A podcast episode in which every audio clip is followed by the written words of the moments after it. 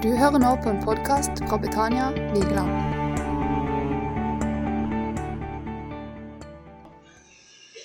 Veldig kjekt å være på Vigeland.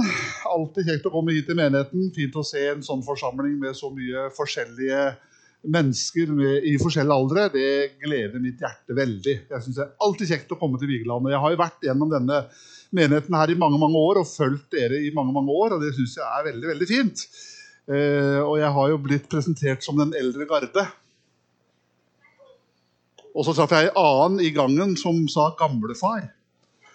Så jeg kjente liksom Går jeg hjem nå, eller skal jeg vente? Så det er greit, det. Det er fint å bli påminnet på om at man blir eldre. Men jeg vil bare si det at jeg er 51 år og blir 52. Så hvis man går inn under gamle far og eldre garde på det, så syns jeg synd på en del andre her. Sånn er det. Veldig bra å være her. Elin, kona mi, som jeg er gift med, hun var her for eh, bare noen uker siden. Tror og syntes det var veldig fint å være her, hun også. Og synes alt var kjekt. Hun, hun, har også vært i Romania med noen Tentro-elever her og noen fra menigheten her. og syntes også det var veldig, veldig fint. Så det er jo fint å ha litt samarbeid og treffes sånn. I dag så har jeg lyst til å Jeg har satt en overskrift på det jeg skal ta også dele. For det har blitt litt sånn i, det, det har jo endra seg, for jeg har vært forkynner i ganske mange år. Jeg begynte å preke første gang når jeg talte, så var jeg 16 år. Eh, og nå er jeg 51, så jeg har talt ganske mange år. Før så var det sånn at det var ingen som spurte vet du, hva du skulle tale om før du kom. Det var liksom sånn, det, det, det var ikke nødvendig. Men nå blir det ofte spurt om hva skal du tale om, hva er temaet? Og Det fikk jeg også et spørsmål om her. Og så svarte jeg med det at det jeg skulle tale om i dag, det er comeback, restart til nye muligheter.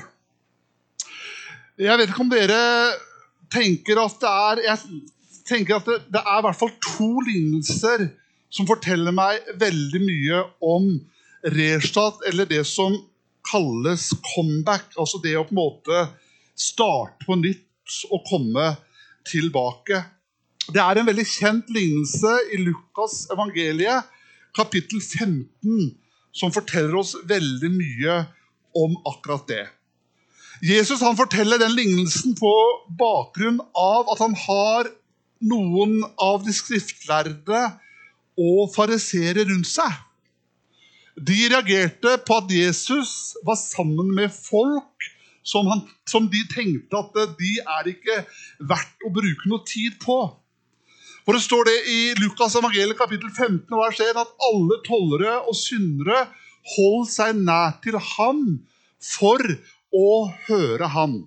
Og så står det da de skriftlærde fariseerne så det, så knurret de seg da imellom og sa denne mann tar imot syndere og spiser sammen med dem. Og ut ifra det så forteller Jesus oss tre lignelser som handler om det å komme tilbake. Vi vet at Først så forteller han denne lignelsen om han som har 100 sauer, og så mister han en av de, og så forlater han de 99 for å finne den ene. Det var viktig at den ene kom tilbake. Og så er det denne kvinna som har disse ti sølvpengene. Og så står det at hun mister den ene, og så gjør de alt for å finne den ene tilbake. Og så er det da denne klassikeren av lignelse, som er lignelsen om den fortapte sønn, eller den bortkomne sønnen. Om denne sønnen som tar ut arven, som ønsker å reise bort. Og så står det at han reiser et land langt borte. Og så øste han ut alt han har. Han sløser ut alt han har. Og så kommer han til seg sjøl og så tenker han på vet du hva, jeg hadde det veldig bra hjemme. Og Så begynner han på vandringen hjem, og så vet vi hvordan det går. Og så blir han omfavna av pappaen sin. Og ut ifra det så er det nettopp det Jesus forteller oss. At den ene er utrolig viktig. En annen lignelse som jeg syns handler om dette her, det er på en annen måte. Det er lignelsen om den barmhjertige samaritanen. Du kjenner til den. Det er denne som på en måte faller i veikanten, blir liggende der. Og så kommer presten først. Han går forbi. Han har ikke tid. Og så kommer levitten forbi, som hadde ansvar for egentlig sangtjenesten i tempelet. Han hadde heller ikke tid. Men så står det at det kommer en annen som heter den barmhjertige samaritan. Samaritanerne de hadde ikke noe med jødene å gjøre. Man reiste ikke gjennom Samaria, men man gikk omveier. Men hvem er det som stopper med denne røveren, eller den som ligger i veikanten? Jo, det er nettopp den barmhjertige samaritan. Og så står det at han tar denne opp på hesten sin, får han til et herberge og gjør det sånn at han får det greit der. Og så gir han også denne verten av herberget penger nok til at han kunne reise videre. Hva forteller det meg? Det forteller om et comeback. Det forteller om mennesker som kommer tilbake. Er det noen av dere som har PC? Opp med hånda, du som ikke har PC. Eller er det noen som har Mac? da? Jeg synes det er ikke noe å snakke om da. Men ok, men PC altså Min PC den er ikke så veldig gammel, men den forteller meg, heller, den minner meg på noe som er viktig å gjøre. Det er å restarte maskinen. Jeg syns det er utrolig kjedelig. Hver gang så kommer det en påminnelse. Du må starte maskinen på nytt. Du må omstarte maskinen. Og så gjør jeg jo det innimellom altfor sjelden, men det tar ganske lang tid. For det må rydde opp. Og jeg tenker at restart eller et comeback det er noe som handler om til nye muligheter. At Gud han har nye muligheter for oss. Altså, Hva er restart? Jo, det er omstart. Det er å på en måte starte på nytt. Det er å begynne på begynnelsen. Det er på en måte ikke å gi seg, men vi ønsker å gå enda mer på. Og så står det i Salme 113 og vers 7 og 8 så står det sånn at han reiser den svake opp av støvet. Og så løfter han den fattige fra dyngen, og han gir en plass blant stormenn. De store i sitt folk. Hva er det Jesus gjør? Jo, han reiser opp den svake. Han reiser opp den som ligger nede. Og Salmisten sier også sånn i Salme 40.: Jeg ventet og håpet på Herren. Og så står det Han bøyde seg til meg og hørte mitt rop. Han dro meg opp av fordervelsens grav, opp av den dype gjørmen. Han satte mine føtter på fjell og gjorde skrittene faste. Han la en ny sang i min munn, en lovsang til vår Gud. Mange skal se det og frykte det og sette sin lit til Herren. Hva er et comeback? Hva er en restart? Jo, det gjør et inntrykk på andre. At det finnes en Gud som ikke gir opp. Det finnes en Gud som gir mennesker nye starter, som gir også andre håp for nye muligheter. Paulus han sier i Filippebrevet, kapittel 2, vers 5-11, så sier han det sånn La samme sinnelag være i dere som også var i Kristus Jesus. Han var i Guds skikkelse og så det ikke som et rov å være Gud lik, men han ga avkall på sitt eget, tok på seg en tjenerskikkelse og ble mennesker lik. Da han sto fram som menneske, fornedret han seg selv og ble lydig til døden, ja, døden på korset. Derfor har også Gud opphøyd ham til det høyeste og gitt ham navnet over alle navn. I Jesu navn skal derfor hvert kne bøye seg i himmelen, på jorden og under jorden. Og hver tunge skal bekjenne at Jesus Kristus er Herre, til Guds ære. Hva forteller Bibelen oss? Jo, den forteller oss at vi skal ha samme sinnelag som Jesus Kristus. Og så synes jeg også Det som står i ordspråket, det blir en del skriftsteder her i begynnelsen. Og Her står det i kapittel 24 vers 16 Syv ganger kan den rettferdige falle og reise seg opp igjen. Men den urettferdige snubler i det som er ondt. Noe som er viktig, tror jeg, det er det punktet her. Empati i stedet for skadefryd. Vi ofte er sånn at ja, vi tenker om mennesker ja, du ser de har falt, og så snakker vi veldig mye om at de har falt, at de har blitt borte. Og så tenker vi ja, det var jo sånn det ville gå med de. Vi så på en måte antydningen. Det var det som kommer til å skje. Men vet du hva? Vi trenger empati i stedet for skadefryd. For hva sier Bibelen? Den sier det sånn at 'gled deg ikke når din fiende faller', sier Bibelen. Men hjertet skal ikke juble når han snubler. Og så vet vi det som står i Matteus 5. Ut Fra denne talen til Jesus så står det sånn Men det jeg har hørt deg sagt, du skal elske din neste, du skal hate din fiende. Men jeg sier dere, elsk deres fiender, velsign dem som forbanner dere, og gjør godt mot dem som hater dere. Vet du hva jeg tror er viktig? Jeg tror det er viktig at vi ikke vi avskriver andre mennesker. At ikke vi gir opp andre mennesker.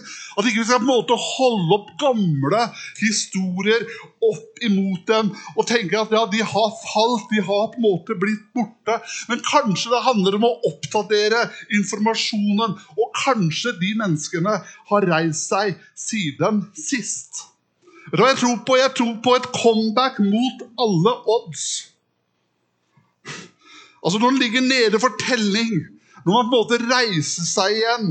Det står om Abraham, som på en måte er alle trones far. Vet du hva det står om han? Det står at når alt håp er ute da er det ganske umulig når alt håp er ute. Da er det ikke mye håp igjen. Men det er hva det står. Det står at da trodde Abraham med håp.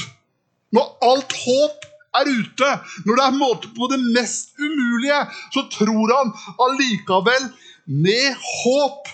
For hva skulle Abraham bli? Jo, Abraham han skulle bli far for mange, mange folkeslag etter det som var sagt. Og så sier Bibelen slik skal din slekt bli. Og så står det han ble ikke svak i troen og han kunne vært opptatt av sin egen kropp. Når du er på en måte oppe i den alderen der, altså bortimot 100 år, eller hva han nå var, og han på en måte får beskjed om at du skal bli far Abraham Det er klart at det er ganske umulig i den alderen der. Men det står at han trodde med håp. Han trodde at han skulle bli far til mange folkeslag. Og så var det Abraham som på en måte trodde at det går ikke an. Og da han også tenkte på kona Sara, som også var en gammel kvinne som på en måte Morslivet Det var på en måte dødd ut. Men så står det han tvilte ikke i vantro på Guds løfte, men han ble styrket i troen i det han ga Gud ære. Hva gjør du og jeg? Når alt håp er ute, når vi kjenner at dette her ikke går, hva tror vi med da? Jeg håper vi tror med håp. For hva er nåde? Jo, nåde det gis til gjenopprettelse for den stolte. Nei, det gir gjenopprettelse for den ydmyke. Halleluja. Hva sier Bibelen? Jo, Bibelen sier at den ydmyke får nåde, men Gud står den stolte imot. For hva er ydmykhet? Jo, ydmykhet det er en erkjennelse av sannhet og det å gi Gud og sannheten rett i eget liv. Tilgitt og tillit er ikke identiske størrelser. Når jeg tenker på det å være tilgitt, hvor ligger det? Det ligger i fortid. Altså, jeg er tilgitt i fortid. Gud gjorde en gang på korset ved å la sin sønn Jesus Kristus dø. Der tok han alle mine synder på seg. Så jeg er her i dag, så kan jeg si at jeg er tilgitt. Amen. Du er også tilgitt. Men tillit, det ligger i framtid. Ja, jeg er tillit. For mine feil, for mine nederlag. Jeg trenger å bygge tillit. Og det handler om fortid. Er det noen av dere som har hørt om Petter Northug? Ja, det er det. Iallfall eh, en del av dere. Han var en veldig god skiløper. Han er sikkert god til å gå på ski enda. Men han var veldig god på ski. Og Petter Northug, han lå nede for telling. Det rauste sammen. Han ble tatt for å kjøre bil med promille. Han krasjer i et tre, og bilen ble totalt skada. Og hva er det Petter Northug gjør? Han løper fra åstedet. Og Når de kommer til han etterpå og så spør du, Petter, var det du som kjørte bilen, nei, det var han. Og så pekte han på en helt annen en. La skylda på en helt annen en som kjørte bilen. Og Etter hvert så tok han og innrømte at han eh, hadde kjørt denne bilen. Hadde kjørt med promille. Og han har en full erkjennelse. Og da tenkte man ja, da er på en måte alt gått gærent for Petter Northug. Nå er han ferdig som skiløper. For en utrolig dårlig avslutning på en sånn karriere. Men det Petter Northug gjør, vet du hva han gjør? Han reiser seg igjen, han. Halleluja, må vi si da. Han blir ikke liggende nede, men han reiser seg. Og så går han inn i VM i Falun i 2015. Var det noen som så det? Det var etter nederlaget til Petter Northug, som hadde kjørt med promille, ødela en fin bil, la skyld av en hadde en full erkjennelse. Han la seg langflat og sa 'ja, det var meg'. Og så reiser han seg igjen. Han gjør alle tides comeback. Og så kjører han på i Falun, og så tar han fire gull. Det er jo sånn at du har lyst til å si halleluja, vel så det. Han var på en måte Norges mann.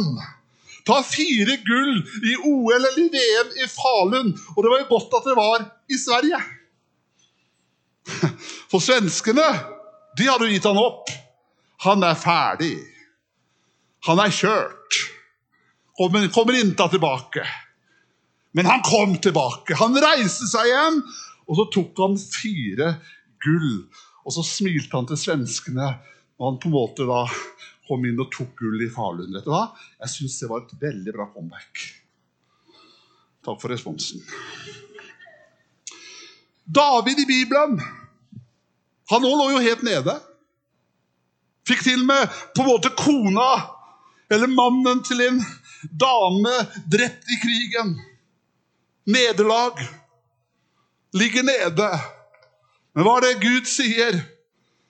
Da sa Natan til David etter nederlaget, etter han hadde falt i sammen, så sa han Da sa Natan til David, 'Du er mannen'. Hva er det for noe? Det er at han reiser seg opp igjen. Da sa David til Natan, 'Jeg har syndet mot Herren'. Natan svarte, så har, også, så har også Herren tatt bort din synd, og du skal ikke dø. Han reiser seg opp igjen. Så står det for Herren vil holde det ordet han ga da han sa om meg, dersom dine sønner akter på sin ferd og vandrer i torskap for mitt ansikt av hele sitt hjerte og av hele sin sjel, skal de aldri mangle en mann av din ett på Israels trone. Og hva var det Gud sa om eh, David etter han hadde falt? Han er en mann etter mitt hjerte. Hva er det? Det er et comeback. Det er å komme tilbake. Det er å begynne på nytt. Vet du hva jeg tror et comeback og en restart betyr? Det betyr også at det er en investering i neste generasjon. Jeg hører så mange ganger som passer, jeg har hørt opp igjennom årene, at de eldre sier at nå er vår tid over, nå får de unge ta over. Nå er det andre som på en måte må reise seg. vet du hva? Din tid er ikke over. Det handler om et comeback for alle generasjoner i Guds rike. Det er ikke bare for noen få, men Gud han vil reise oss opp igjen. Og vet du hva jeg tror? Jeg, tror, jeg, tror? jeg tror på et comeback av hans menighet før Jesus kommer igjen. Jeg tror ikke vi skal være med og se at menigheten minker og blir mindre. Men jeg tror at menigheten skal bli større, den skal vokse, den skal gro. Hvorfor det? Jo, for det er et comeback. Paulus han skriver sitt siste brev. Det er andre Timoteus' brev. Det er Paulus' sist, siste brev. Rett før han skal dø, så sier han dette brevet. 2. Timoteus kapittel 1 og vers 5 og 7. Så sier han til Timoteus, en medarbeider, en god venn, en som er yngre. Så kommer Paulus med en hilsen til ham. Der han sier, 'Vet du hva, Timoteus? Jeg husker din oppriktige tro.' Jeg husker din oppriktige tro, Timoteus. Som først bodde Hør her. Som først bodde i din mormor. Altså Det var noe som på en måte hadde gått fra generasjon til generasjon. Det var noen som starta. Det begynte med mormor. Altså Den troa som bodde i din mormor, Timoteus, den bor også i deg. Og så sier han videre Og som også bor i din mor Eunike. Og sier han, og som jeg er overbevist om at den også bor i deg. Og så sier han, derfor vil jeg minne deg om dette. La Guds nådegave i deg flamme opp på nytt, den du fikk da jeg la hendene på deg. For Gud ga oss ikke en ånd som gjør oss motløse. Man ga oss en ånd som gir oss kraft, kjærlighet og sinnlighet. Så står det også i Malakias, den siste boka i Det gamle testamentet. Siste brevet til Paulus. Du ser at budskapet er viktig. Siste boka i Det gamle testamentet så står dette her. At han skal vende fedrenes hjerte til barna. Og barnas hjerte til fedrene, så jeg ikke skal komme og slå landet med vann. Jeg ble minnet om at jeg var den eldre generasjon. Den eldre garde. Jeg ønsker å være et forbilde for de som kommer etter meg. Jeg ønsker å legge bak meg en arv av en begeistring for Jesus. Jeg ønsker ikke å legge igjen årene. Jeg ønsker ikke på en måte å gi meg, men jeg ønsker virkelig å stå på til Jesus kommer igjen. Jeg har tro på et comeback. Altså restart. Hva er det? Jo, det er en investering for de som kommer etter oss. Altså Mitt comeback det vil gjøre noe med de som er etter meg. Det vil gjøre noe med mine barn. De ser på mitt liv. Og de har sett mye, for å si det sånn. Du smilte nå? Ja. Det er ikke bare å være pastorsønn, for å si det sånn. Jeg husker Thomas vet du hva han gjorde da han var liten. Kasta sangbøker etter meg når jeg talte. Ja, det er ikke bra, vet du. Veldig lik mora, sier jeg. Men jeg ønsker å være forbilde. Jeg ønsker å vise at det går an å begynne å preke som en 16-åring og holde livet ut. Jeg har også vært lei av tjeneste, lei av å være i pastor. Men jeg har tro på et comeback for hans menighet. Og du og jeg, vi skal reise oss uansett alder. Våre comeback, hva gjør det? Det velsigner neste generasjon. Vi skal ikke bare se på neste generasjon, på de som skal ta over. Vi skal se på neste generasjon med noen vi skal tjene sammen med. Halleluja. Og Selv om neste generasjon kommer, så ønsker jeg å melde meg ut, men jeg ønsker å være med og heie. Halleluja. Jeg ønsker å bli behandla som den eldre garde. Jeg gjør det. Vet du hva? Ditt comeback er utrolig viktig. Hva var det menigheten i Efesus fikk berømmelse om? Jo, de fikk berømmelse for at de hadde så mange bra aktiviteter. De hadde god virksomhet. Menigheten var bra. Det var gode offer. Alt var på stell. Men det var noe som mangla. Og det var den første kjærligheten til Jesus. Og kanskje jeg, kanskje du, må jobbe litt med den første begeistringa vi hadde for Jesus. Det var et gammelt ektepar som var ute og kjørte en gammel amerikansk bil i Amerika. Og de satt på hver sin side. Han godt planta, for han kjørte bilen. Og så var det denne sofaen, for det er jo det i gamle amerikanske biler så er det ikke to seter, men det er en sofa. Så sitter kona helt i det andre hjørnet. Og så kommer en ny bil kjørende opp til sida. Og det er et nygift par som akkurat hadde blitt vidd. Og de satt oppå hverandre. Og Så sier den gamle kona, 'Se på de, da. Se hvor glad de er i hverandre.' Og så svarer denne gamle mannen litt humørfylt, 'Det er du som har flytta deg.' Det er du som har flytta deg. Jeg sitter på samme plass. Og sånn er det også med Jesus. Han har ikke flytta seg, men han er på samme plass. Og hvordan kan vi på en måte bevare begeistringa, bevare brannen? Nettopp i det vi holder på med. For vi holder på med dette her uke ut, uke inn og uke ut. Måned etter måned, år etter år, og vi holder i gang. Jeg trenger en begeistring av Jesus.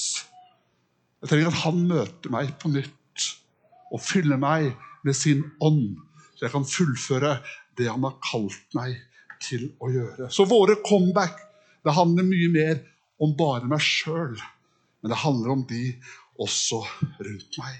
Og hva sier Paulus til Timoteus? Han sier 'forny'. Tenn på ny den nådegave som var i deg. Peter fikk også et comeback. Han som på en måte var den i disippelflokken som nok sto nærmest Jesus. Var den som lå på en måte tettest på Jesus, var veldig nær Jesus. Det var jo Peter som alltid dytta båten ut fra land. Det var jo Jesus som gikk på vannet. Nei, det var Peter som gikk på vannet, Jesus også da. Men Peter gjorde jo det. Han var på båten hele tida den første. Han var på. Men så er Jesus borte. Og så får han et spørsmål om var du en av de som var sammen med ham. Og det, han svarer, og det står at han banner på at han ikke kjente Jesus. Og akkurat idet Peter sier det, så er det noe Jesus gjør. Og det er å tro at Peter ikke skulle svikte.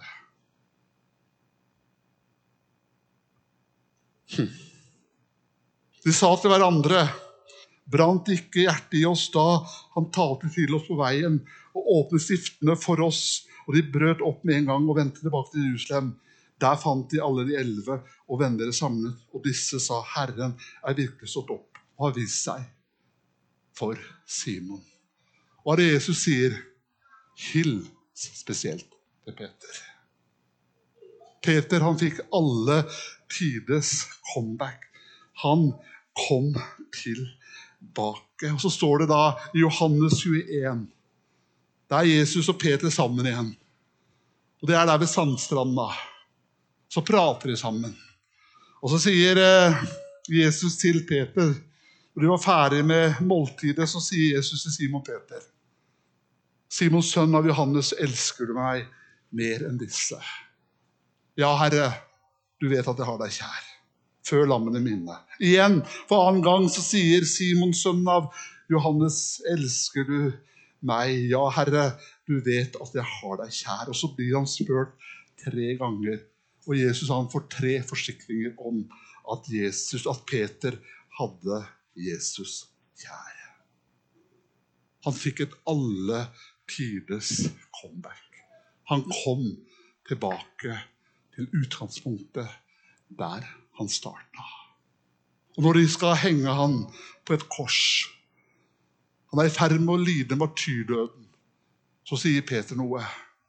Jeg vil ikke bli hengt på samme måte som Jesus, men heng meg opp ned. Vet du hva? Jeg tror at Gud han har et comeback for deg. Jeg tror at Gud ønsker å reise akkurat deg opp. Hvorfor det? For du har en oppgave der du er med ditt liv. Og vårt evangelium, det bygger på comeback. Og det er en restart til nye muligheter. Og Gud, han forkaster oss ikke og gir oss ikke opp. Amen. Han gir ikke deg opp. Han ser deg, så ser han ikke et håpløst tilfelle, men han ser et tilfelle full av håp. Og hva sier Jeremia når Karan holdt på med å lage leire ble mislykket i pottemakerens hånd? Så lager han det om til et annet kar, slik han synes det var riktig. Vi kan avskrive oss sjøl. Jeg kan avskrive meg sjøl og tenke at det er over. Andre kan gjøre det. Andre kan miste troa på meg.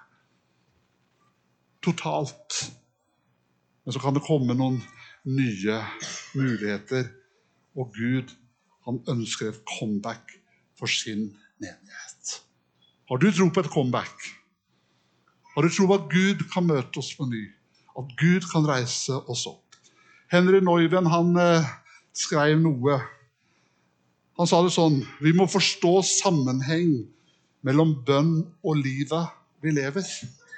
Jo nærmere du kommer Guds hjerte, jo nærmere kommer du verden.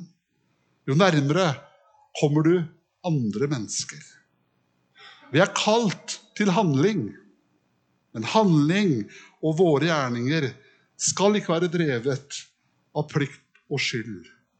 Våre handlinger er et gjensvar på Guds kjærlighet til oss.